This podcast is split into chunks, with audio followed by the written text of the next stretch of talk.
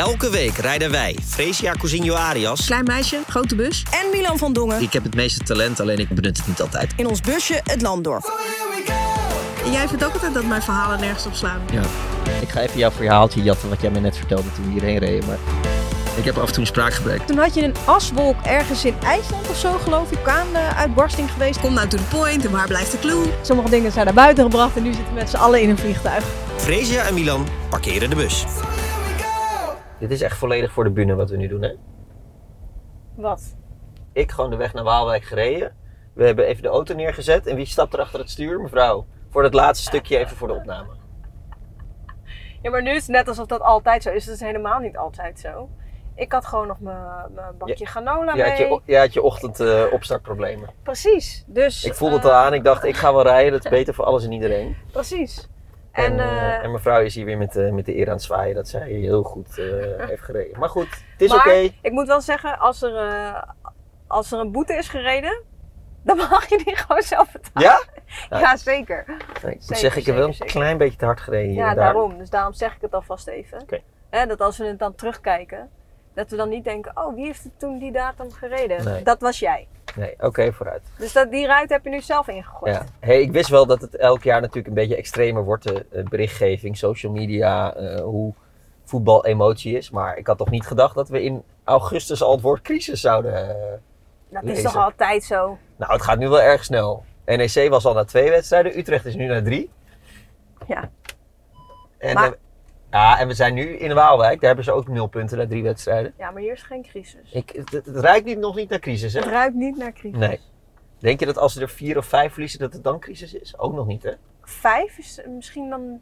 Vind jij Dat dat, we er een beetje eh, begint te eh, kriebelen. als media rustiger mee om moeten gaan? Nee, ik vind van niet. Wil je even op je eigen rol reflecteren? Onze eigen rol? Oh, precies. Ik, ik dacht Nee, specifiek ik op die van Ik mij. sprak je niet persoonlijk aan. Nee, precies. Kijk, ik vind wel dat bijvoorbeeld bij een NEC, dan vind ik juist dat er in de berichtgeving na twee wedstrijden wordt de bus opgewacht. Maar ik denk dan, ja, eh, maar dat is niet na twee wedstrijden, dat is gewoon na een reeks van vorig seizoen. Ja, dat klopt. Maar. ehm, En, en het werkt gewoon niet zo, als in, wij hebben het ook gewoon constant over wat er vorig seizoen is gebeurd. Of de verwachtingen die we hebben door het seizoen daarvoor. Dus dan moet je ook niet verwachten dat supporters gewoon ergens een streep onder zetten en zeggen, oké, zijn we opnieuw begonnen. Nee, nee. Nee, maar ik vind het af en toe wel moeilijk hoor, hoe wij daar om mee moeten gaan. Of we dan elke keer dat groot moeten oppakken dat de bus is opgewacht of zo. Of dat er een spandoek hangt. En... Maar het wel we- ja, ingewikkeld ik, hier en ik vind goed. sowieso soms een beetje lastig met geschreven media. Omdat Die zijn sowieso altijd de boosdoener. Hè? TV is niks mis mee. Nee, maar ik heb wel bij tv, dan kan je nog wel kan je een eigen beoordeling hebben op een nuance, snap je? Dus dan, dan Door de manier hoe iemand het zegt of zo. ja, of hoe iemand kijkt, of gewoon. Nou, dan, dan, dan heb je iets meer de intentie ook erbij. En soms, als je iets leest, dan, nou, sowieso, soms is het een beetje een schreeuwige kop. Ja. En is het een beetje clickbait, wat wij soms ook hebben. Zeker. Ehm, Maar goed, hier gaan we in die paar minuten niet uitkomen. Nee, ik heb een te klopt. eh, issue eh, aangezwengeld. In, ja, eh, je hebt een soort wereldproblematiek Ja, eh, opgegooid. Laten we maar eens dacht, dat is kijken. leuk om mee te beginnen. Wat een, wat een stom begin ook eigenlijk. Nee, ik vind het Je hartstikke zit leuk. mij af te zeiken dat ik niet heb gereden. En Ja, sorry. kom je met dat... dat Dit was jouw voornemen om liever te zijn en ondertussen ben Het ik... is niet eh, normaal. Oké, ik ga liever zijn. Ja? Ja. Vandaag? Of Ook voor, ook voor? Jeffrey Bruma. Oké, top. Jij hebt ze clubs uit je hoofd geleerd, toch? Eh, ja, ik hoop het. Ga ik, ik weet snel dat doen. niet. Het is op de dag van PSV SC Cambuur dat Dani aan de hand van zijn oom mee het veld op gaat. Voor hem is het duidelijk. Dat profvoetballer worden, dat wil ik ook. De vraag komt wat het inhoudt om dat te worden. Dani heeft geen idee wat zijn familie daarvoor allemaal al heeft moeten opofferen. En waar het allemaal goed voor is geweest. Een week later gebeurt er iets wat niemand ziet aankomen. Ajax verliest op de Vijverberg. PSV wint bij PEC. Twee keer achter elkaar landskampioen. En nu gaat dat gepaard met zang die op meer dan hemzelf slaat. En daarmee is de koek nog niet op. Snijder geblesseerd, Robben geblesseerd, Blind geblesseerd. De aanvoerdersband van Oranje komt om zijn arm. Een selectief gezelschap waar je toch echt toe wilt behoren. De stap naar Wolfsburg moet jouw tussentreedje zijn naar een topclub. En dan komt de sprong over een tackle van vrij en verandert alles. Strijden wordt lijden. Fysiek, mentaal pijn lijden. Jaren gaan voorbij voordat het lichaam weer normaal voelt. En in die jaren zijn je concurrenten wereldtoppers geworden. En je kids net zo oud als Dani bij PSV Cambuur. Wat het inhoudt om profvoetballer te worden? Het ene moment gaat het vanzelf. Het andere moment is het opofferen, afzien en lijden. Een betere vraag, hoeveel maken momenten als de Eindhovense titel of de rood-wit-blauwe band om je arm goed? We horen het van onze gast in de bus, Jeffrey Bruma. Geboren als Jeffrey van Hoogmoed. Goedemiddag. Mooi geschreven. Goeiedag. Ja, Ja. goeiedag. Dus Jeffrey van Hom- Homoed is het eigenlijk. Van Homoed? Weet mijn vader. Ja. Mijn vader van Homoed, mijn moeder eh, Bruma. En op een gegeven moment op, bij Chelsea om mijn 16e mocht ik eh, kiezen. Toen hing er een shirtje met Van Homoed in de kleedkamer. En toen zei ik van jongens, dat gaan we niet doen. ik wil graag Bruma aan mijn shirt hebben, want het ja, voor mij wat sportiever klonk. Hè. Coolere naam. Wat cooler, ja, wat stoerder, wat krachtiger. En daarom had de directeur gelopen, direct. Ik shirt, in- met shirt in mijn handen van luister, ik wil graag Bruma aan mijn shirt hebben en geen Van Homoed. Toen is bij de FE een, eh, een verzoek ingediend dat ik graag Bruma eh, wilde hebben met een geldige reden daarvoor.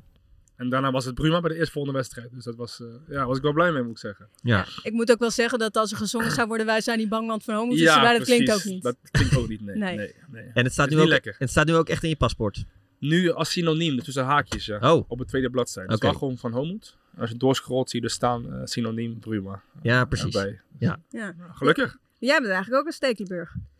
Eh, nee, ik, ben, ik heet gewoon Van Dongen. Ja, klopt. Maar eigenlijk, Hij- ja, nou kijk, nee, ik heet naar mijn moeder, maar mijn vader heet Stekelenburg. Maar, nou ja, mijn vader die ging naar het, eh, eh, de burgerlijke stand. Die was dolblij dat hij, eh, dat hij nog een zoon had gekregen. Ja. Alleen hij was al een aantal jaar gescheiden, maar hij, hij was vreselijk slecht met papieren. En toen dacht hij, dat, ik, ben al lang en breed gescheiden, maar toen bleek er een document nog niet te zijn ingevuld. Het. Ja, maar, maar, maar hij dacht dat wel even te gaan regelen bij de burgerlijke stand met zijn charme en zo. Maar dat, eh, dat lukte toch niet. Ging Dus ik heet gewoon Van Dongen. Nee, ik, eh, ik kon nog wel wijzigen naar Stekelenburg, maar dat, eh, hij ook vond het wel prima zo. Ja. Nou, ik snap Bruma wel. Ja, toch? Ja, Ja. als stoere Ja. verdediger die je toch bent, klinkt, het, eh, klinkt het beter. Klinkt lekkerder. Ja. ja. Moment van de week. Eh, je mag ik eh, beginnen altijd met moment van de week. Wat is jouw Eh, moment? Ja, maar ik moet zeggen, mijn moment van de week. ehm, ik moet zeggen, natuurlijk op de club is het nu eh, wat lastiger om daar een moment te zoeken.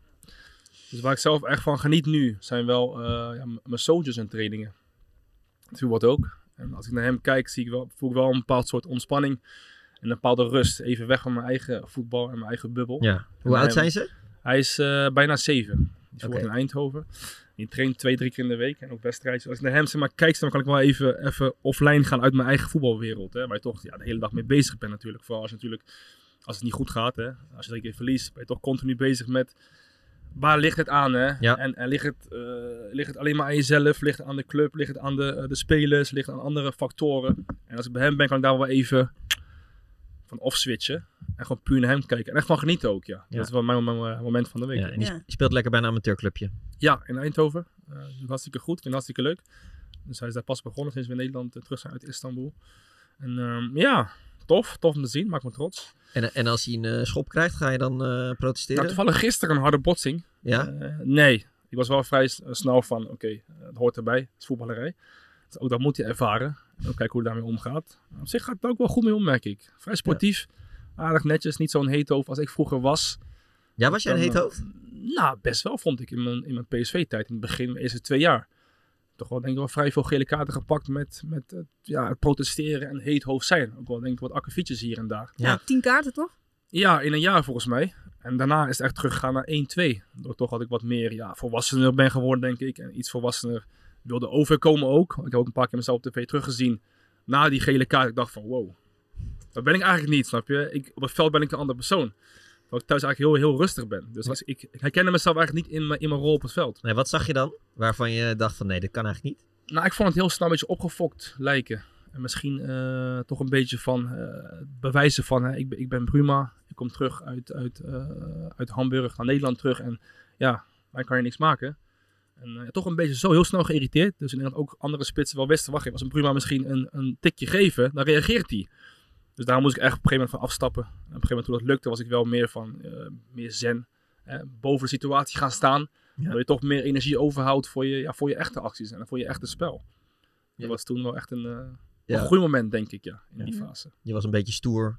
Ja, Misplaatste stoerheid. ja, ja, een beetje bewijzen hè, dat je sterk stoer bent. Ja. En daarmee kan je niks maken. Op een gegeven moment is het natuurlijk, ja, pak je zoveel kaarten dat je denkt van, ja, waar ben je mee bezig? Toch? Ja. je mist wedstrijden om stoer te zijn, terwijl je beter op het spel kan focussen en natuurlijk erboven Ja. te staan. Wat natuurlijk ook veel mooier en veel volwassener overkomt. Is Zeker. zo. Ja, we gaan het straks nog uitgebreid hebben over Ja. eh, nou ja, hoe je veranderd bent, ook Ja. als speler en eh, rustiger bent geworden. Ja. Eh, jouw moment van de week?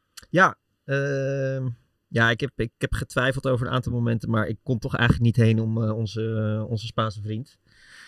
Nu, nu zeg ik het heel lief en grappig, maar het is natuurlijk helemaal niet grappig. Nee, we hebben het er Eh, vorige week heel kort over gehad. Ja. Maar toen was er nog niet eh, door 6000 mensen Toen heb- in één vlek gevreven. Toen hebben we die kus wel benoemd. Je hebt die kus wel benoemd vorige Ja, week, zeker, toch? Dat dat best wel schandalig was. Ja. Eh, jij hebt het uiteraard ook gezien, denk ik, toch? Ik heb het gezien, ja. Ja, Ja, ja. ook verbaasd erover.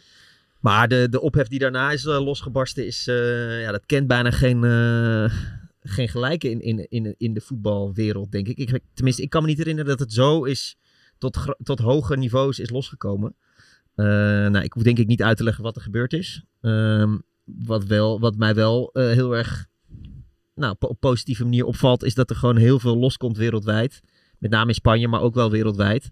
eh, dat dit echt niet kan. En dat ook de manier waarop hij er daarna mee omgaat echt schandalig is. Ja. En nu weten wij er in Nederland, en jij weet er meer van Orfree, maar wij weten in Nederland volgens mij niet de genoeg van de context van deze man.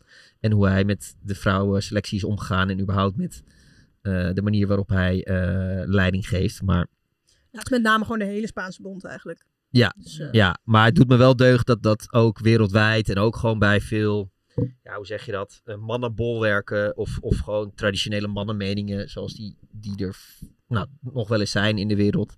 En ook in, zeker in de voetbalwereld, dat die nu ook zegt van ja jongens, dit kan echt niet. Eh, dus dat vind ik hartstikke goed. En ehm, eh, dat de Gianni Infantino nu een soort van de, de morele, ja, hoe zeg je dat, goedzak is in dit verhaal. Dat, dat klopt nog niet helemaal, want die is natuurlijk ook eh, hier en daar best wel fout. Eh, maar die hebben hem nu voor 90 dagen geschorst, de FIFA. Eh, maar goed, ik vind het wel mooi dat deze ontwikkeling zo op, op gang is gekomen. Maar ook nog wel wat mensen zeggen van ja, het is maar een kus. Alleen mensen moeten wel echt snappen dat ja, die kus is echt niet het probleem hoor. Ik bedoel, als jij mij per ongeluk uit enthousiasme een kus op mijn mond geeft en je zegt daarna gewoon, oh sorry, is helemaal niet mijn bedoeling geweest. Als Ja. ik zeg van ik, ik vind dat niet prettig, ja boeien. Ik bedoel, dat, dat is het probleem niet. Maar het gaat er gewoon meer om dat de Spaanse bond gewoon dat meisje verplicht Ja. om iets anders te verklaren dan dat het is. Dus je, je, je oefent druk uit op zo'n gevoelig onderwerp. Terwijl als hij gewoon meteen had gezegd, "I- weet je, in enthousiasme heb ik me een beetje laten gaan. Dat is helemaal niet de bedoeling geweest. En eh, de aandacht moet gaan naar jullie. Ja. Prima, niks aan de hand. Dan is het inderdaad maar een kus. Ja, ja, Ik ga even jouw verhaaltje jatten, wat jij me net vertelde toen we hierheen reden. Maar de Spaanse Bond heeft dus in een statement eh, st- eh, steunen ze hun voorzitter. ja. En daar hebben ze dus foto's van dat moment nog een keer geplaatst.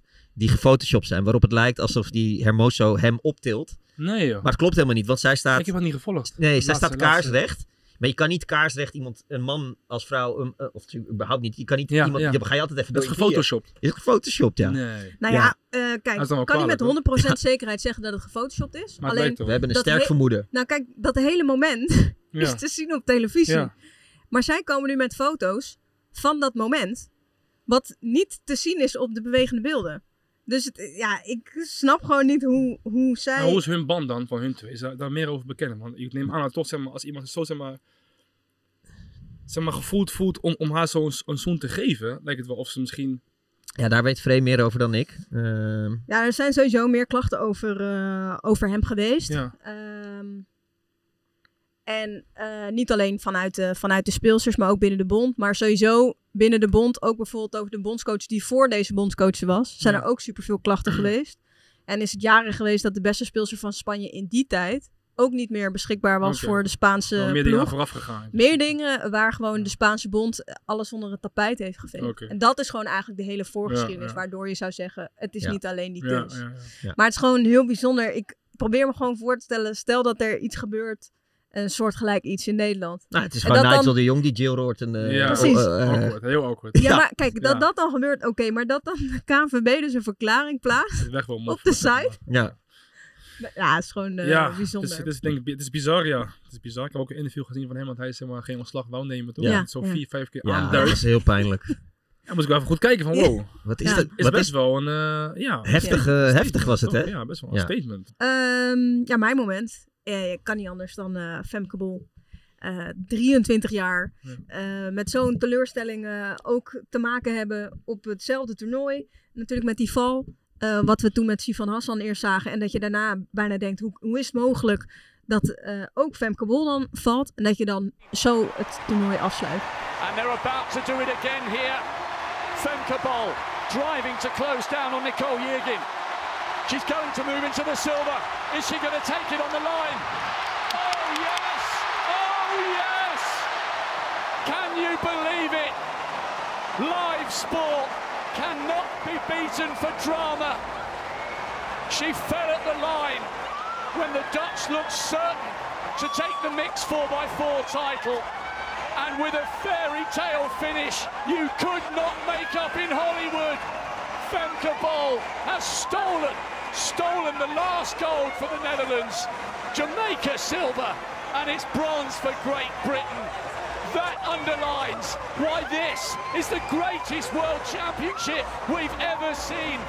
What a finish. Het lijkt me gewoon überhaupt eh, dat iedereen dit moment heeft gezien. Als Heb je jij het niet gezien? Gisteren? gisteravond wel, ja. Op Ja. de bank met een theetje. Dan kijken met mijn mijn schoonvader toevallig. En toen kwam de race voorbij. En toen Ja. zagen we dus de laatste eindsprint van, eh, van Femke. En toen, ja, dat was wel even... Niet even- normaal, man. Die Ja, even verbaasd, man. Ja, dat was echt tof om te zien. Ja.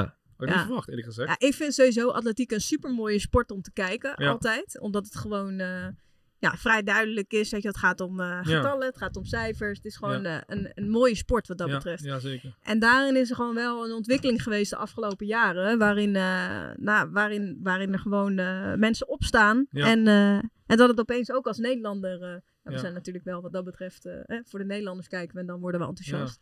Ja. Maar echt bizar. En het lijkt me gewoon sowieso heerlijk als je in een estafetteploeg zit. En dat je iemand hebt die. Dus je gaat zelf dan, eh, doe je jouw onderdeel. En, Ja, en natuurlijk, weet je, de rest heeft er ook aan bijgedragen. Die eindsprint was echt... eh. Precies, ja, maar dat je dan nog het stokje Ja. kan overdragen. Ja. Dat iemand even je Ja. werk afmaakt. Ja. Zo. Ja. Ja, Een flinke achterstand ook nog, hè? ja, niet normaal. Flinke achterstand. Uit die Ja, ik laatste, had- die laatste sprint naar die bocht, zeg maar, Ja. die eraan kwam. Dat ze echt beide voorbij ging. Bizar. Eh, Jeffrey, we hadden toen Ja. we hier aan, eh, aankwamen, hadden we het over eh, dat het best wel snel crisis is tegenwoordig bij clubs. Ja. Heb je dat bij NEC meegekregen na twee wedstrijden de bus opwachten? Ik heb het gelezen, ja. Eh, Die ja. wonnen dan dit weekend van jullie natuurlijk. Ja. Eh, in Utrecht is het nu weer eh, crisis. Ja. Hier in Waalwijk is het nog rustig, hè? Hier is het nog vrij rustig. Ik denk natuurlijk een, een iets kleinere eh, club. Misschien iets minder verwachtingen. Maar ik denk bij NEC, waar er toch wel denk ik iets meer geld ingepompt wordt. En bij Utrecht ook. En de verwachtingen denk ik iets hoger. Dat we denk ik structureel bij de, ja, bij de top 8 moeten aanhaken. Ook gewoon een goede start geëist wordt van ze. En bij ons natuurlijk willen wij ook weer hoog eindigen. De laatste drie jaar was het, eh, was natuurlijk was het, was het feest. Ja. Was het elke keer rond 8, 9. Eh, nu natuurlijk wat jongens vertrokken. Dus het, nu is het weer natuurlijk een nieuw jaar. En moet je denk ik niet kijken naar, naar de vorige jaren. Dan moet je echt kijken naar dit jaar, hoe we ervoor staan. En, en daarop eh, een balans opmaken van hoe ver we kunnen eindigen. En natuurlijk willen we het linker rijtje, linker rijtje eindigen. Maar daar moeten we echt wel voor, ja, voor knokken. Ja. Dat is wel gebleken de eerste drie wedstrijden. Dus het, eh, het zal gewoon vechten worden voor ons. Nou, gelukkig hebben jullie een makkelijk wedstrijdje zaterdag. Ja, dus niet. Nee, het is... eh, PSV. nee, het- ja, precies. Het is, een, het is een moeilijk programma. Maar goed, daar mogen we denk ik niet achter gaan schuilen. Eh, PSV is, is, is top, is zwaar. Eh, ze komen natuurlijk bij ons thuis hier. En daar willen we ook ja, proberen natuurlijk elke wedstrijd gewoon het maximale eruit te halen. En wat het maximale is, ja, zien we natuurlijk na de wedstrijd. Maar ook tegen PSV willen we ook gewoon, ook gewoon stunten. We willen natuurlijk, moeten natuurlijk ergens een begin maken Ja. met de ommekeer. Het liefst was het al eergisteren tegen NEC. Dat was natuurlijk een ideaal moment, vind ik, vond ik. Dat hun ook natuurlijk gewond zijn. En gewond waren. Nu natuurlijk weer aan drie punten hebben ze iets meer adem gekregen. Maar wij moeten ook die ommekeer zien te maken. En of nou is tegen PSV of tegen, erop tegen Vitesse. Nou, dat is mij om het even. Maar is het liever, eh, liever zaterdag al, ja. We hoorden in dat eh nou ja, begintekstje over je neefje, Dani, die mee eh, Ja. het veld op ging. Ja, Hij eh, wilde profvoetballer worden. ja. Hoe zit het met die droom? Hij is nu 13, 14 jaar. Hij is eh, bij amateur speelt hij. Of hij het eh, prof kan worden, weet ik niet. Eh, hij is niet in de opleiding nog niet bij, bij een profclub. Dus dat is de kans is sowieso al iets minder. Hè? Maar, als, maar, als, goed, de kansen zijn natuurlijk altijd aanwezig. Hè? Als, je, als je blijft voetballen. En als je een keer weggeplukt wordt, dan heb je geluk tegenwoordig. Want het is natuurlijk heel moeilijk om ja, het eerste af te bereiken voor elke club. Dus, eh, dus nog niet gehaald, nee. Maar goed, het kan nog, eh, kan nog komen. Ja, eigenlijk is het natuurlijk de droom van eh, nou ja, bijna elk jochie, elk Ja. meisje tegenwoordig Ja. ook om, eh, om profvoetballer te worden.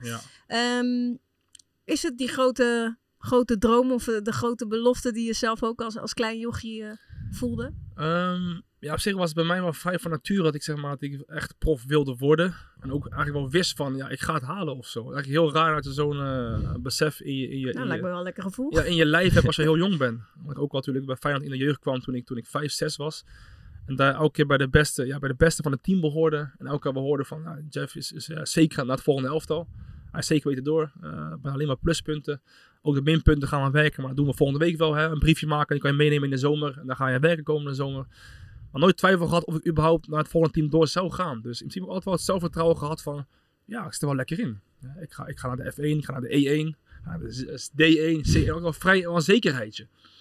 En ja, op, zich het vertrouwen altijd wel meegenomen in mijn volgende stappen. En altijd wel gewis geweten van, ik ga het halen. Ja, een beetje natuurlijk nooit, maar altijd in mijn hoofd gehad van, ja, ik ga het halen. En ook zo zijn we op het veld gestapt continu van, ja, ik ga het gewoon halen. Ik ben, ik ben hier eh, misschien wel een van de beste, ook was ik er misschien niet. Maar gewoon zelf inpraten van, ik ben de beste hier. En dan gewoon, ja, je ding doen. Ja. Dit heeft mij wel altijd wel echt veel eh, vertrouwen gegeven, ja. Klinkt ook wel als gewoon een goede, goede mentaliteit. Ja, pep talk voor jezelf, hè? Ja. ja. Natuurlijk altijd wel betere jongens dan jij op het veld, waar je ook bent. Maar altijd gezegd van, eh, ja, daar ga ik trainen of spelen hier. Ik ben gewoon de beste, punt. En, en wanneer heeft dat voor het eerst een, een klein deukje opgelopen? Want dat gaat natuurlijk niet allemaal. eh, Nee, zeker niet. Ik denk, ehm, nou ja, op een gegeven moment natuurlijk bij Chelsea in de jeugd. Dan kom je ook jongens tegen waar je denkt, wow, wacht even. Het is wel echt eh andere koek, hè? ja. Ja. toch? Andere koek. En op een gegeven moment eh, van Chelsea A1 ga je naar het tweede auto van Chelsea. Ook daar ga je natuurlijk trainen, spelen met jongens van het eerste elf die daar minder spelen. eh, met wie je samen in een team gaat spelen. Ik was toen 17 jaar. En dan komen natuurlijk spelers die bij het eerste niet speelden. Bijvoorbeeld Quaresma komt terug. Ja. Die doet mee. En, en een Mikel, die de eerste niet speelde, die komt bij het tweede terug. En dan ga je toch wel zien, wacht even.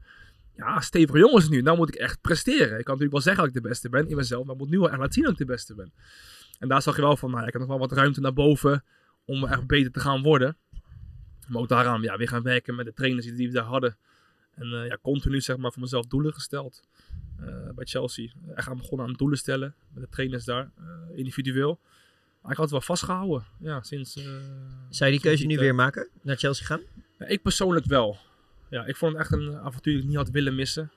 Om het, om, het, ja, om het voetballen zelf, maar ook het leven eromheen daar, wat ik heb gezien. Wat ik heb mogen zien en mogen meemaken. Het was echt eh, ja, een fantastische tijd. Ja, maar ik Ja. persoonlijk wel klinkt alsof anderen eh, die keuze niet zouden maken. Nee, misschien zeg maar als ik bijvoorbeeld nu voor mijn zoontje kijk. Als ik zeg maar, als vader kijk misschien. Ik misschien mijn zoontje zeggen, nou luister, als jij ooit die profwens hebt. Ja, dat je misschien eens Nederland doorbreekt. Hè? en dan misschien, als je ooit goed genoeg bent, dan misschien de stap maken. Ja. hè. Als het ooit zo is. Maar zeg maar, om hem zeg maar, op 15 jaar geleden weg te zien gaan, zou ik niet voor tekenen eerlijk gezegd. Nee, want jouw moeder ging mee, jouw vader Ja, bleef achter. ja, mijn moeder ging mee. En wat heeft het bijvoorbeeld voor hun relatie gedaan? Want dat lijkt me ook heel heftig. Ja, ook heel heftig, ja. Mijn moeder was natuurlijk in, in Londen, mijn vader in, eh, in Nederland. eh, met mijn eh, twee andere broers en zus. Ja, natuurlijk een hele breuk op je gezinssituatie. Ik heb twee broers die ietsje ouder zijn en een zus. Die ook nog toen nog ja, jong waren, hè, in de puberteit zaten. Die ook nog toen hun moeder nodig hadden. En toen alleen maar ging het ja, via FaceTime en Skype. Kon je je moeder spreken of ze kwamen een keer naar Londen een weekend. Maar het is toch anders, hè? Ja, Als je moeder van het begin elke keer bij je is en nu zeg maar weggaat om, om je jongste broertje zijn droom waar te maken. Ja, is best heftig. En een groot risico natuurlijk. Want ja, of, of een jonge broertje het überhaupt redt, weet niemand. Nee. Heb jij daar wel eens schuldig over gevoeld tegenover je, je broers en zus? Maar achteraf misschien. Denk, op het moment zelf vond ik het gewoon, ja, is normaal toch? Mijn moeder gaat mee, ja, waarom niet? Maar als je wat ouder wordt, denk je van, wacht even. Eh, ja, het is toch wel special. Bijzonder, hè? De jongens Ja. waren ook toen, mijn broer was ook 18, 19 jaar. Ik was toen 15, 16. Ook, zeg maar, jarenlang zonder mijn moeder opgegroeid, zeg maar. Dus achteraf voel je wel van, wacht even, ja, nou jongens, ben je wel echt, echt dankbaar, man. Echt Ja. dankbaar dat jullie, zeg maar, ja, mij dat gunden. Eh, Ja. Natuurlijk heeft het goed uitgepakt, maar stel je voor, als het bijvoorbeeld niet goed uitpakt, ik, ik breek mijn been. Of eh, ik krijg een blessure dan al die niet meer te Ja. helpen is. Want daar heeft nooit iets gezeten eh, dat, dat ze jou dat hebben verweten. Nee, of, nooit. eh, Nooit. Dat is best, best bijzonder Ja, heel natuurlijk. bijzonder. Ja, zelfs nu praten we ook nog vaak over. Hè. We komen heel vaak samen als gezin. En als familie en als bro- broers zus bij elkaar. En dan praten we wel eens erover. Hey, dat was best wel een heftige, heftige tijd, hè? Ja. Want jij, Ik jij weg. voelde heel, heel zeker van, oké, ik ga het halen. Ja, ja. Maar voelde het hele gezin dat zo van, eh, Ehm, dit gaat gebeuren? nou, mijn broers en zus weet ik niet. Ik denk dat zij zo hadden van, ja, ja hij gaat weg. En, en ja, oké, nou ja. Het is zijn ding. eh, succes, hè. En doe je best. Ja. Maar voor mij was het echt zo van, nou, ik ga hier echt heen en ik ga het ook gewoon echt halen. Ja. Eh, proberen te halen. En gewoon alles aan doen, zeg maar, om het te halen. En mijn moeder ging mee. was ook toen een beetje van, eh vanzelfsprekend. En achteraf was het eigenlijk ook van, wacht even, ja, maar u heeft ook van mij wel een, een, een groot risico genomen om, om ook uw werk hier op te zeggen. Ja. En mij, zeg maar, mij eraan supporten in mijn, in mijn, in mijn, in mijn droom. Ja. Dus eh, ja, zulke dingen, dingen die zie je pas achteraf.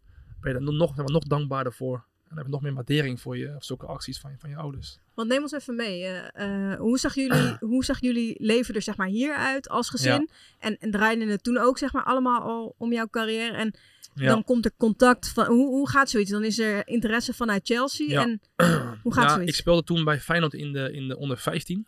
Eh, en toen speelden we vaak toernooien in het buitenland. Ik kan herinneren, één in Spanje en één volgens mij, of twee in Spanje zelfs. En een keer in de zomer daarna kreeg ik een belletje via, een, via mijn eigen agent van Jeff Luister. Er is interesse uit Engeland en één uit Spanje. Ik zeg van, nou ja, oké, interesse. Wat bedoel je? Ik ben 15 jaar. Ik zit Ja. op vier haven in Nederland. Ik, bedoel, ik kan niet zomaar weggaan nu. Nee, klopt wel, maar er zijn een aantal constructies en ze willen graag met je praten. Dus eh, wat denk je ervan? Ik van, ja, moet ik van denken? Ja, ik zeg, bel mijn moeder maar op. Hè. Zien, we zien wel of we een keer op een keer eh, kunnen praten.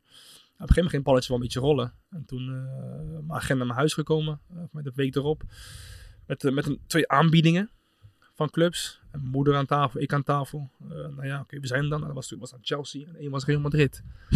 Ja, Nou, als 15-jarige. Nou ja, oké. Ja, ik zeg, oké, ja, oké. Waar moet ik ermee dan? Het is allemaal leuk, maar ja, ik ben natuurlijk veel te jong om erheen te gaan. Nou, zo, zat je, zo rustig zat je er niet bij, neem Nou, op zich wel. Ja, op Ja? zich wel. Ik ben heel rustig en introvert in zulke, in zulke dingen. Ja. Vooral als er iets groots ge- gebeurt, ben ik heel eh, juist laid back en heel afwachtend. Ik ben zelden dat ik zeg van dat ik heel erg gelijk eh sta te springen om iets. Maar ook als jochie. Als jochie ook, ja. Ja, Oh, wat grappig. ik heel erg, eh, als ik voor een keuze sta, zeg maar, wil ik eerst zeg maar, me even afzonderen. Even alleen zijn. Om dingen echt goed na te denken. Dus om dingen goed te doordenken ook. En of het überhaupt iets voor me is. En het kan vaak echt een week of twee weken duren. Dat ik heel even gewoon ja, weg moet van, van, van drukke dingen. En heel even alles tien keer moet nadenken. Of het überhaupt iets voor me is. En ook daarmee. Met die keuze van Chelsea en Real Madrid. Was ik ook echt twee weken bijna echt offline. Ook met mijn school was ik helemaal een beetje afwezig. En thuis veel mijn kamer. Ik dacht van ja jongens, wat moet ik hiermee? Weet je? Is het nou iets voor mij? Is het niet te vroeg? Is het juist het moment? En op een gegeven moment zei, zei mijn agent toen, nou, we kunnen best een keer daarheen gaan, naar Londen. En dan kan je een keer kijken hoe dat is, hè, vrijblijvend. Nou, op zich prima. Wij erheen vliegen naar, naar Heathrow, mijn moeder en ik. Ja, dan kom je daar aan en dan dacht ik van, ja, jezus jongens.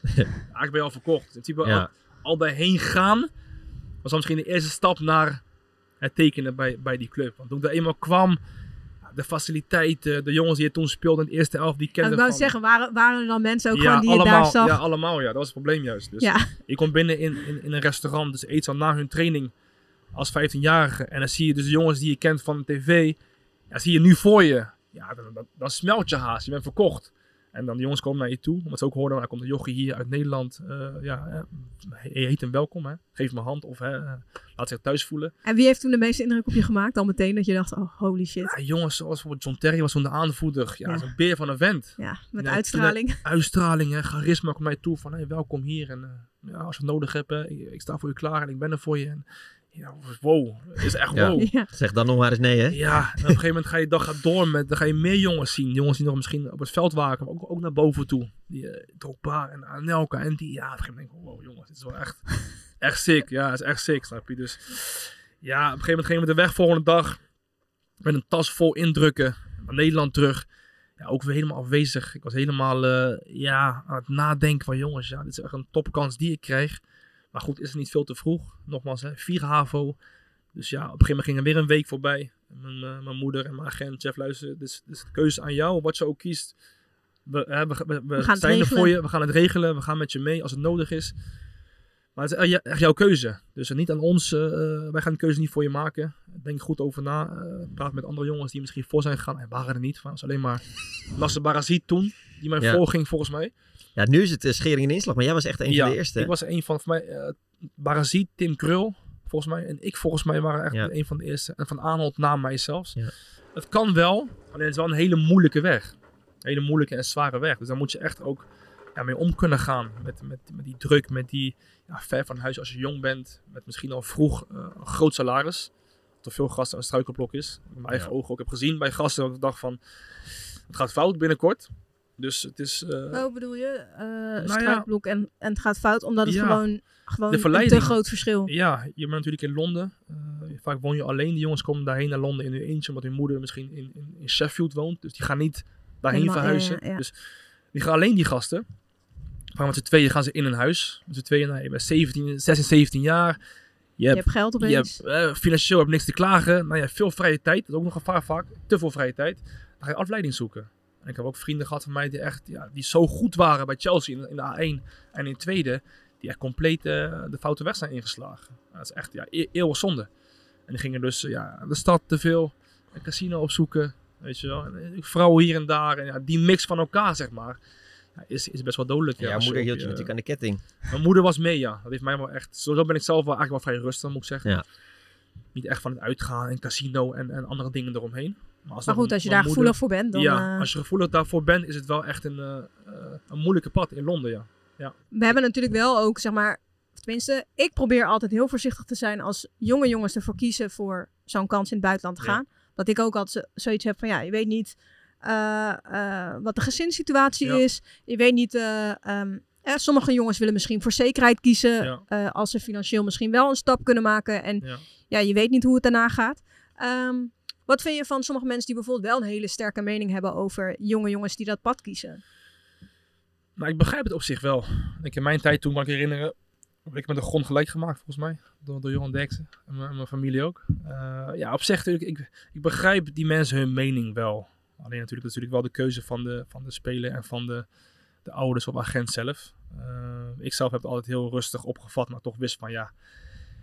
Het is nou eenmaal een jongen die naar het buitenland gaat, naar Chelsea gaat op 15-jarige leeftijd. En of hij het redt, de kans is heel klein. Dus de uitspraken toen hè, van, van, eh, van Johan, die, ik hoorde ze wel aan, maar was ook een beetje de ene hoor in, de andere hoor uit. Maar toch wist van, nou ja, ik begrijp zijn mening hier en daar wel, maar ik ga mezelf ga ik gewoon knallen. En ik zie wel eh, ja, waar, waar ik strand, hè.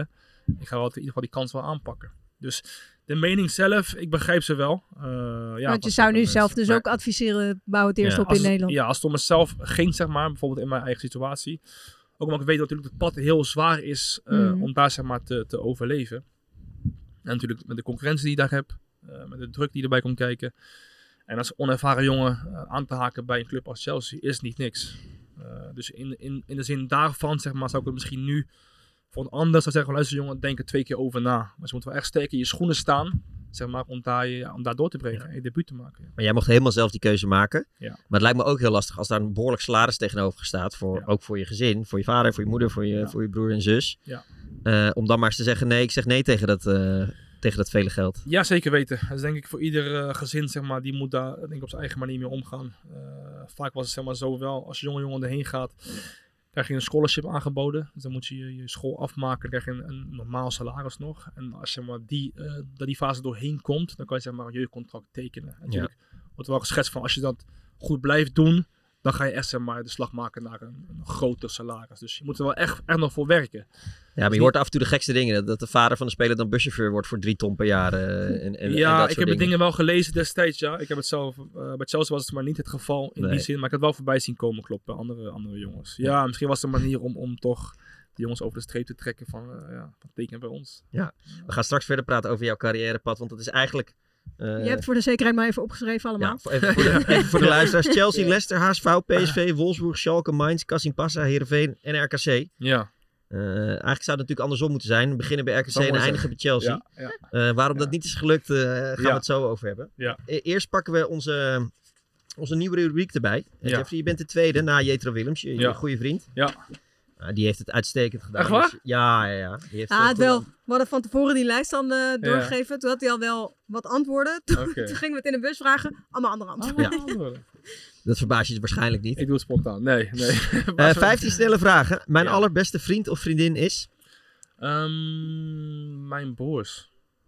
Ja, Ja, daar kan je niet tussen kiezen, dat snap ik. nee, mijn twee broers zijn denk ik wel mijn twee, eh, mijn twee beste, ja, beste vrienden. Ik heb een hele kleine cirkel. En mijn twee broers zijn degene die ik het meeste spreek. Het meeste mee omga. Dus ja, het zijn broers slash beste vrienden in mijn geval, ja. Eh, volgende, mijn idool. Vroeger had ik heel erg eh, Steven Gerrard. Ja. Want ik vroeger op 6 speelde als middenvelder bij Feyenoord. En toen was Gerrard was met die afstandsschoten. Ja, mijn eh, absolute idool. Mhm. En daarna ging ik naar Centraal achterin. Bij John Terry bij Chelsea. Natuurlijk met Ja. hem in de kleedkamer zat. En hij me voor alles eh, voor advies eh, gaf. En nu is het eh, ja, nu niet meer echt een idool moet ik zeggen nu. Een gasten die, ik- die ik heel goed vind. Of, of eh, iets anders. Maar niet meer echt iemand naar wie ik echt naar, naar opkeek nu. Ja. Ja, mijn ouders. Maar goed, dat is natuurlijk niet, eh, ja. De mooiste plek waar ik ooit ben geweest. Ik denk Brazilië. Ik ben daar eh, met Oranje geweest in 2000, eh, wat is dat? Wauw, denk ik. 2012, toen ja, juist. trip. Oh, die be- befaamde oefentrip. Ja, we kwamen de oefentrip. Waar was jij die avond? Ik was eh, ook mee uit. ja, ik was ook mee uit. Kan je ja. daar nog iets over zeggen? Ik heb alles gezien. wat, ik, eh, wat ik mocht zien en wat ik niet mocht zien. Ja. Het was een, eh, ja, een dompertje. Zo mag zeggen. Toch? Ja, een dompertje. Eh, vooral de volgende ochtend. Waar was jij toen eh, de volgende ochtend bekend werd eh, dat die Telegraaf dat ineens... eh, Nou ja, het was eigenlijk, ja, ik zal het uitleggen. Het was heel speciaal. Ik, was, ik lag in bed. En ehm, de volgende ochtend was het tien uur ontbijten, vrije inloop. Ik sta in de lift met eh, drie andere jongens. Ik kan niet meer herinneren wie het waren. En het was heel stil. Ik had nog geen telefoon geopend. Ik had nog geen eh bericht gelezen. 0,0. Dat is helemaal Ja. van niks. Ik weet niet wat ik wist van. Vorige avond was een feestje. En de volgende ochtend iedereen is een beetje brakjes. En iedereen hè, moet even bijkomen. En het was een leuk feestje. Ja, leuk feestje. Dus de volgende ochtend in de ontbijtzaal kom ik al binnen. Nou, ik dacht, iedereen is nog een beetje, weet je, moedjes. Hè? En we waren vrij die dag. We moesten terugvliegen de volgende dag. Volgens mij iedereen is nog wat afwezig.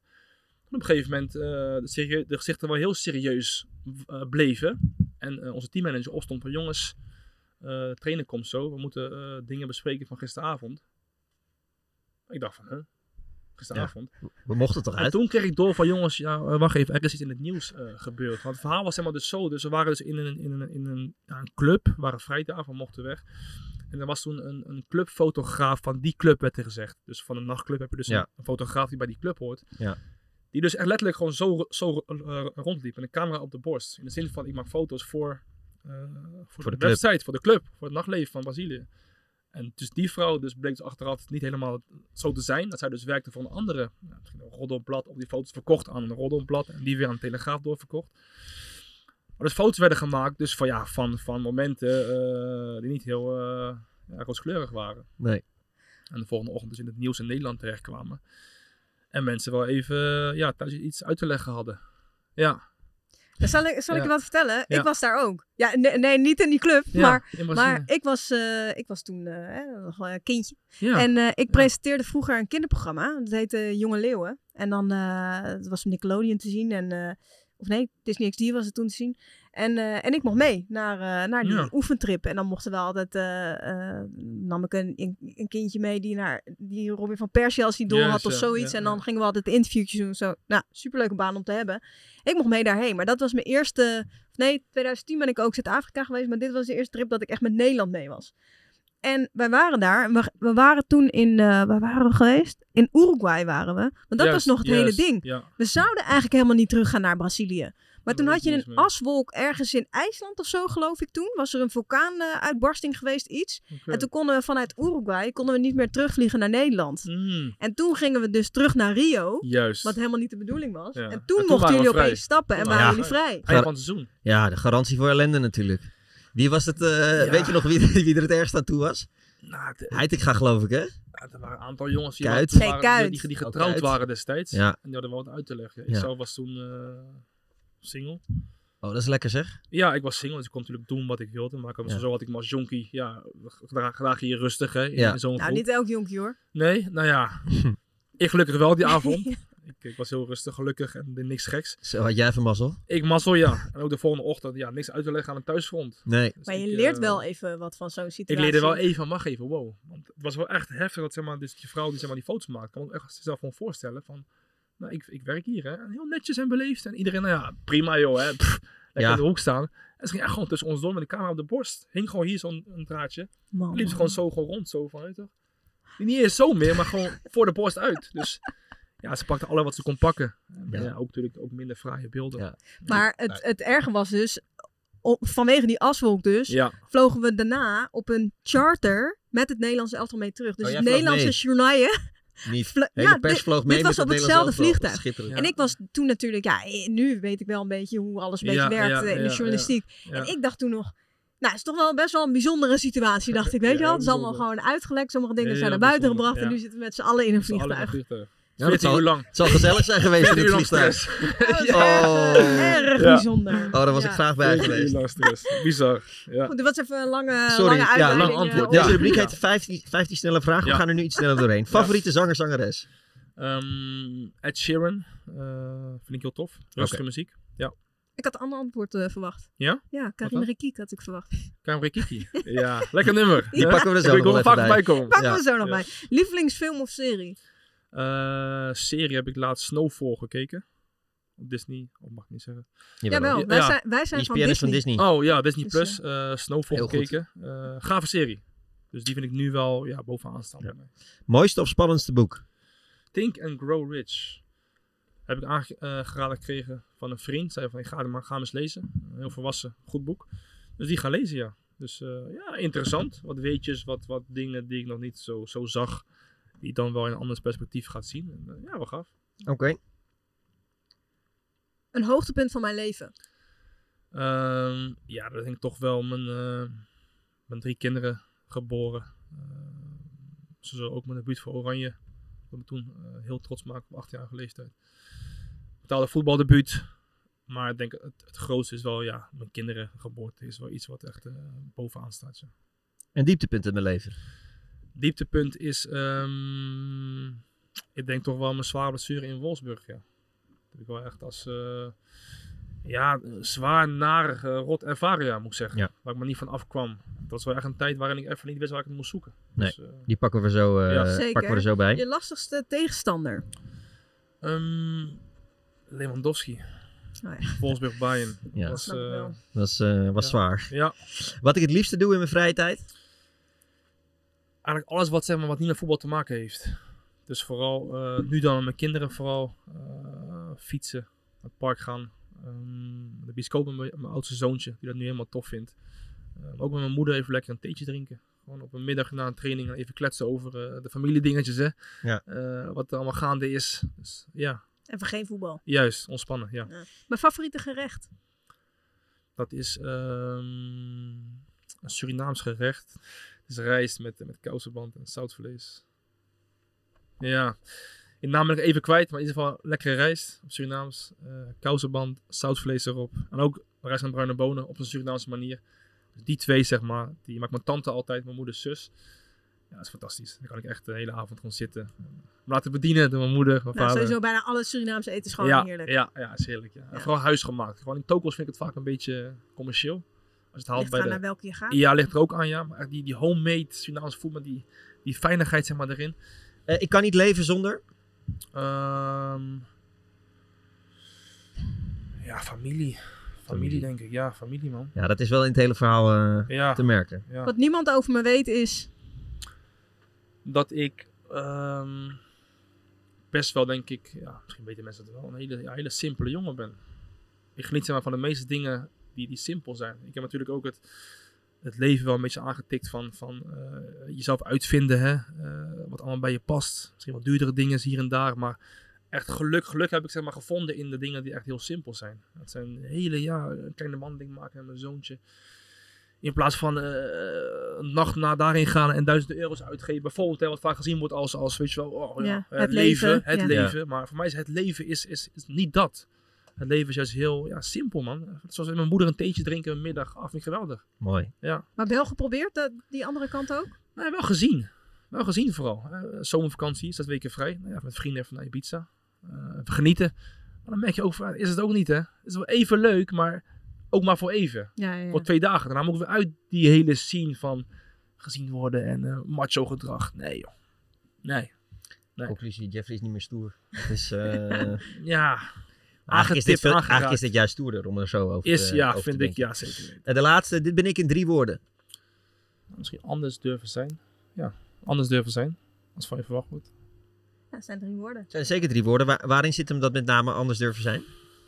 Nou, ik denk dat ik vooral wel goed ben in, in mijn eigen keuzes durven te maken. Ik denk een goed voorbeeld ook laatst met EKC de keuze, waarin iedereen me verwacht had bij andere clubs. Eh, vooral in het buitenland, waar ik financieel meer kon verdienen. Dus iedereen zegt van vriend, blind doen. Maar ik vond van nee, het is tijd voor eh, dit jaar voor rust. En voor mijn kinderen en mijn familie voorop. Dicht bij huis. Ik ga, ik ga die keuze maken. Ja. Eh, waar iedereen, ja iedereen, veel mensen me zeggen van eh, ja, die is gek. Je kan financieel kan je daar veel meer pakken. Nu ga je hier voor minder zitten. Maar ik vond daar gewoon ja, tijd voor. En ik voel me ook hartstikke goed bij die keuze. Dus ja, daarin de zin anders durven zijn. Ook andere keuzes durven maken als, als van je verwacht wordt. Ja. Ja, want wat ik, wat ik tien minuten geleden zei ongeveer van... RKC, Heerenveen, Kassim Passa, Mainz, Schalke, Wolfsburg, PSV, HSV, Leicester, Chelsea. Eh, dat is de omgekeerde weg. Zo was die beter geweest. Zo was het eigenlijk natuurlijk. Zo, zo verloopt ideaal een carrière, Ja, maar ja. carrières verlopen natuurlijk niet Ja, ideaal.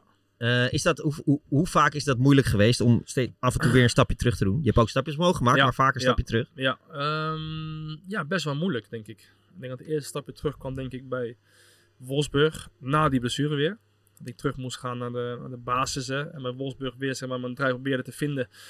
Maar toch, ja, je bent... eh, nieuwe spelers komen er weer aan continu. Zijn weer twee jaar jonger, zijn fitter. Drie jaar jonger. Ik eh, twee jaar uit de relatie geweest. Dus ik moest natuurlijk verhuurd worden. Eh, nou ja, ook daar voel je van, nou, je bent wel ver van huis. Je voelt je ook niet helemaal top.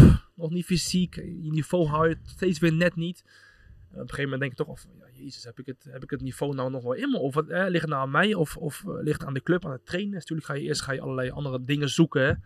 Wat aan kan liggen. Op een gegeven moment moest je natuurlijk echt bij jezelf te raden gaan van... Ja, die jongens die nu op mijn plek spelen, zijn niet beter dan mij. 100% niet. Bij een, bij een, eh, bij een Schalke of bij een Mainz. Hè? Eh, natuurlijk prima spelers, maar ik voor mezelf vond ik daar vond ik beter dan hun. Maar alsnog speelde ik soms niet.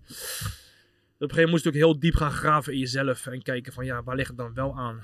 Ehm, ja, op een gegeven moment ga je met jezelf aan de slag en dan lijkt je er af en toe een beetje erbovenop te komen. Als je het vertrouwen van de trainer weer wint, maar ook, eh, ja, ook weer snel verliest. Ja, en daar moet je voor jezelf moet een balans vinden waar het wat aan ligt. Dat is, eh, ja, is, is moeilijk. Is moeilijk, want ik weet dat ik kan voetballen, ik weet dat ik kwaliteiten heb. Maar alsnog kiezen de trainers, of kozen de trainers de laatste jaren bij voorclubs eh, meer voor anderen als voor mij. Dat was wel een moment dat ik dacht van, eh, de voetbalwereld is ook zo, dat trainers die keuzes ook maken. En vroeger was het natuurlijk alleen maar van, ja, centraal achterin, ja, Bruma. En nu was het van misschien eh, Bruma op de bank, Ja. als eerste optie. En Ja. Dat was een keuze, om, een beslissing waar ik wel echt moeite mee gehad heb. Ja. Ja, we komen zo op je gloriemomenten hoor. Maar wanneer zat je diepst in de put? Ja, het diepste was wel denk ik mijn eerste jaar Wolfsburg onder eh, Andries Jonker als interim coach. Toen ik eh geblesseerd raakte uit in Mainz. Mainz. Eh, ja, en daar in principe een blessure kreeg aan mijn kraakbeen. Er kwam een luchtduel op de middenlijn die ik aanging. Bij het landen zeg maar gleed ik half over zijn been heen. En ik draaide half weg, mijn gevoel. Dus ik landde verkeerd en ik gleed weg. En ik voelde een bepaald een, een, een, krakje in mijn knie. Ik wel vaker, dus ik dacht van, nou ja, het so be it. Dus ik ging liggen en de, de fysio kwam het veld op. Nou, alle testjes doen, kruisbanden, banden, alles prima. Ik dacht van, nou ja, oké, nou ja, misschien ligt het aan mij. Misschien hoor je iets in je hoofd soms, hè, waar je lichaam, wat, wat niet zo is. Dus op een gegeven moment aan de zijlijn terug, een stokje water. Nou ja, lange bal, ik weer erin. En bij de lange bal, toen ik erin kwam, gelijk een volle sprint. En bij de sprint hoor ik alleen maar in mijn knie. Dus ik denk van, wow, wacht even, klopt niet. Nee. Dus ik zitten en van, nee, dit is niet goed. Dit is niet goed. Op een gegeven moment dus eruit gegaan. eh, wat last van de knie, wat dik. Eh, twee dagen later een scan maken. Was er een stukje kraakbeen afgebroken in de knie. Dus geen kruisbanden, geen andere letsel. Puur een kraakbeenstukje uit mijn knie. Schoot los. Die was zeg maar los in mijn knie aan het dwarrelen. Dus dat was Oh, wow. het, zeg maar, de, de, het geluidje wat je hoorde.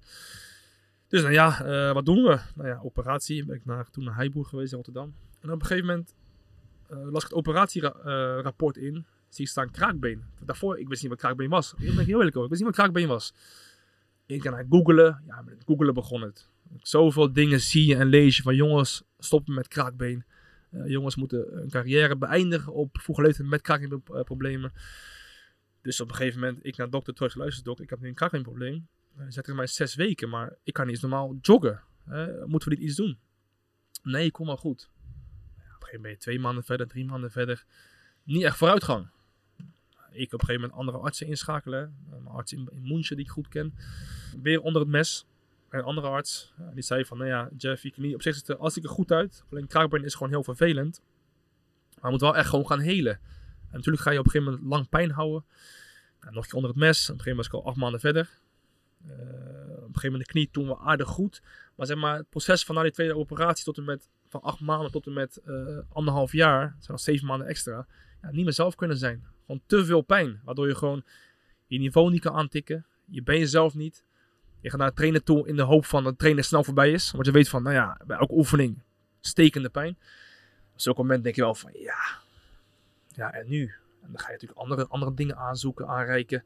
Nog meer andere artsen. Zijn er misschien spuitjes die me kunnen helpen? Is het voeding? Dus in principe ben je alles aan het aanzoeken en aanreiken wat je kan helpen. En alsnog geen verbetering. Ja, op een gegeven moment, dan, ja, dan wat dan? Pijnstil is. Ja. De grootste die er waren. De allerzwaarste. Ja. Wat- gedaan, een aantal maanden. Waardoor je bij wijze van versuft rondloopt. Want je zoveel hè, in je lichaam Ja. hebt gepropt om het pijn eh, weg, te, weg te laten gaan. Wat was het allerzwaarst? Ja, het, het, het idee van, word ik wel beter überhaupt? Gaat die pijn wel weg? Daar was ik echt aan het twijfelen van, ja, voor mij gaat het niet meer gebeuren. Ik was al anderhalf jaar verder. En bij Wolfsburg gaan het trainen. En alsnog gewoon die stekende pijn. Bij elke paas, bij elke wenden en keren. Als je voelt van, jongen, dit wordt hem gewoon niet. Dit wordt hem gewoon niet. Punt. En Ja. toen op een gegeven moment had ik via een, een vriend van mij, een arts in Spanje, eh, leren kennen. Die werkte met stamceltherapie. Dan halen ze uit je rug halen ze een, een eh, stamcellen weg. Dus op kweek voor, eh, voor mij een maand. En dan zeg maar, doen ze, heb je een triljoen cellen, heb ik me laten vertellen.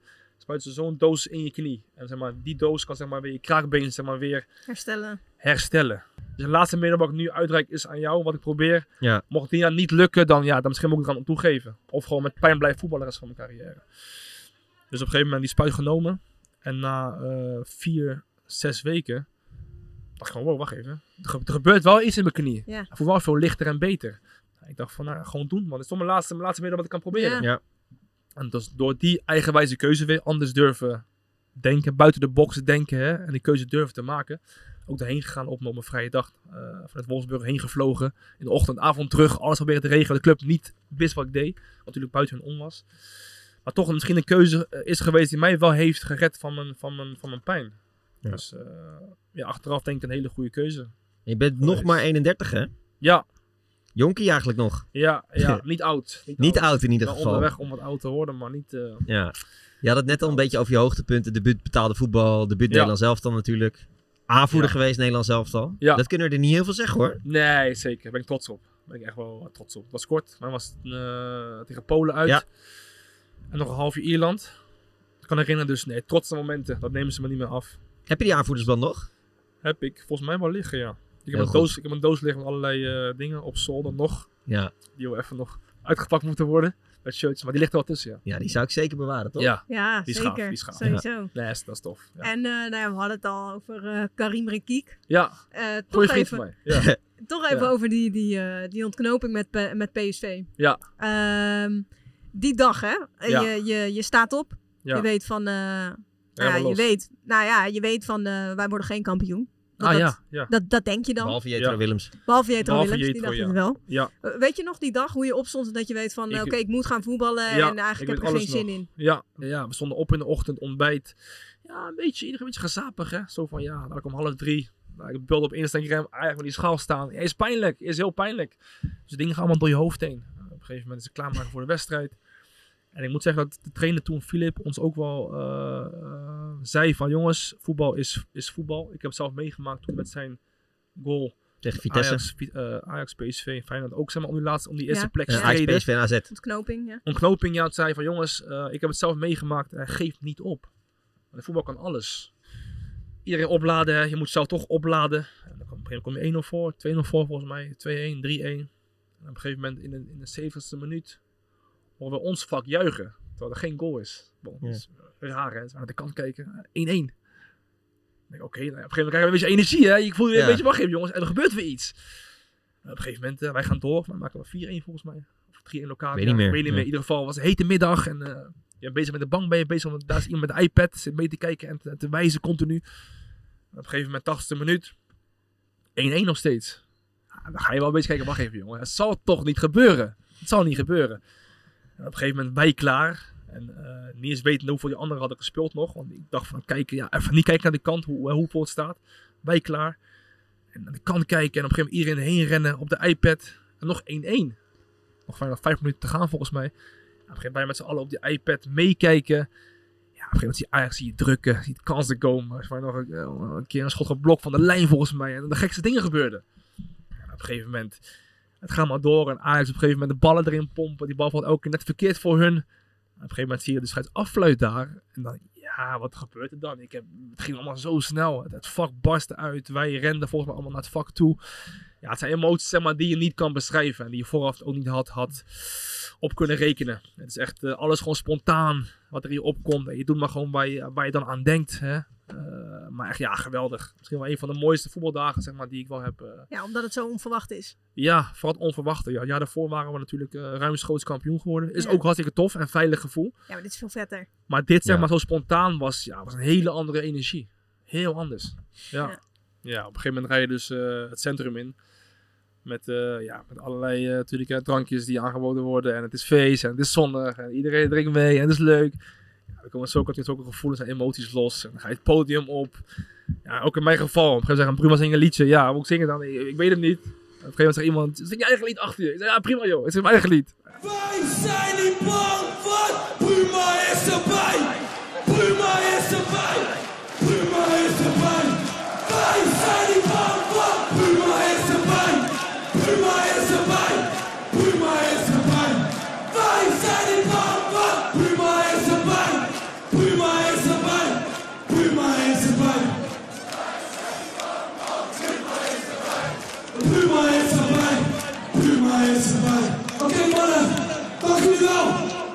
Iedereen zingt mee. En op een gegeven moment na mij Karim. Karim zingt ook je eigen lied. Eh, ik hem half ondersteunen met zijn lied. Ja, op een gegeven moment van... Ja, op een gegeven moment zo een show, hè. En achteraf denk ik van, jezus, is dat nou, joh. Die, die, die stemmen die loskwamen, die piepdingen. Ja, ik denk van, kan niet meer aanzien. Ik kan Nou ja, jij viel nog wel mee, maar... eh, Karim Rekiki. Karim Rekik. Karim Rekiki. Karim Rekik. Karim Rekiki. Karim Rekik. Karim Rekik. Karim Rekiki.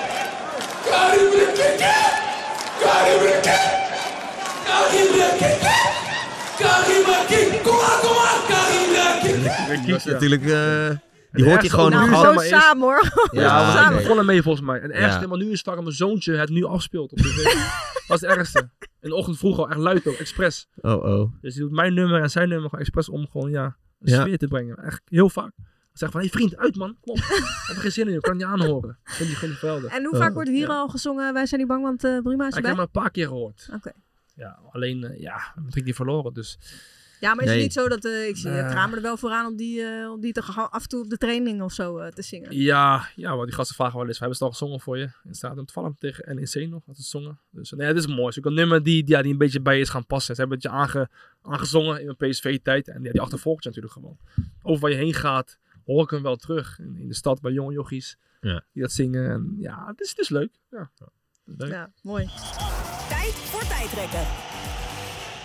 Eh, Jeffrey, we sluiten af met tijdrekken. Van alles wat ik van John Terry heb geleerd, is dit me het meest bijgebleven. Op een training niet te veel willen doen. Dus, eh, moet ik uitleggen? Mhm. Want hij zei van, het begin toen ik erbij kwam, 16 jaar, wilde ik alles doen. Dus ik wilde s- scoren, en Ja. een voorzet te geven. En een verdediger, alles tegelijk. Wat dus overal op het veld te vinden was. Nee, luister, in de profwereld, focus je op je eigen taken. Van daaruit misschien hier en toe af en toe ietsje meer, maar niet meer zoals de jeugd dat je overal maar rond hè, op het veld rent. Dus Ja, precies. op je taken focussen en, eh, en rustig blijven. Het grootste talent dat ik bij Chelsea heb zien rondlopen destijds was. Gael Kakuta. De afstandsspiegel namens Leicester tegen Watford is de goal die ik het vaakst heb teruggekeken. Ja. Hm. Ja. Mooi. Die zat er goed in, hè? Ja, dat is tof. Wat als tiener al opvallend was aan Jermin Son was... Ehm, dat hij eh, met beide benen verschrikkelijk hard kon schieten. Ja, met links en rechts was er geen verschil in, eh, in zijn afwerkingsvorm. Dat zie je nou ook terug. Dat hij met beide benen zijn die kruising ramt. Voetballen tussen de wereldsterren in Ghana was de mooiste vakantiedag van mijn leven. Eh, nee, maar wel heel gaaf. Oké. Dat is wel een toffe, hele toffe ervaring. Ja. Het schriftje met aantekeningen over John Terry zal ik altijd bewaren. Ja. Ja. Aantekeningen? Ja, ja, vooral zijn dingen die hij tegen mij zei. Dus eh, zijn uitspraken, zijn dingen waar ik op moest letten. Ehm, maar ook bijvoorbeeld dingen die ik van hem noteerde als hij eh, moest trainen met de verdedigingslinie. En ik zeg maar achter een hekje mocht meekijken. En dan echt gewoon dingen ja, opschreef wat hij deed. Zeg maar. Zijn simpele dingen als wanneer hij uitzakte om de bal te vragen, wanneer juist niet. Wanneer hij indribbelde, weet je wel, wanneer hij zijn rechterbeen of linkerbeen gebruikte. Zulke dingen vond ik ja. Gewoon alles. Afspieken, ja, ik vond afspieken en zelf proberen toe te passen. Ja. Gewoon echt mooi. een obsessie bijna. ja, ja, gewoon kijken, afkijken. Als ik aan Wout Weghorst denk, denk ik aan... Goals. Ja, Dat, Wout is eh, wel even wel echt verrast met zijn, eh, met zijn neusje voor de goal. Ja. Ook in Wolfsburg. Ook een hele goede vriend van me trouwens.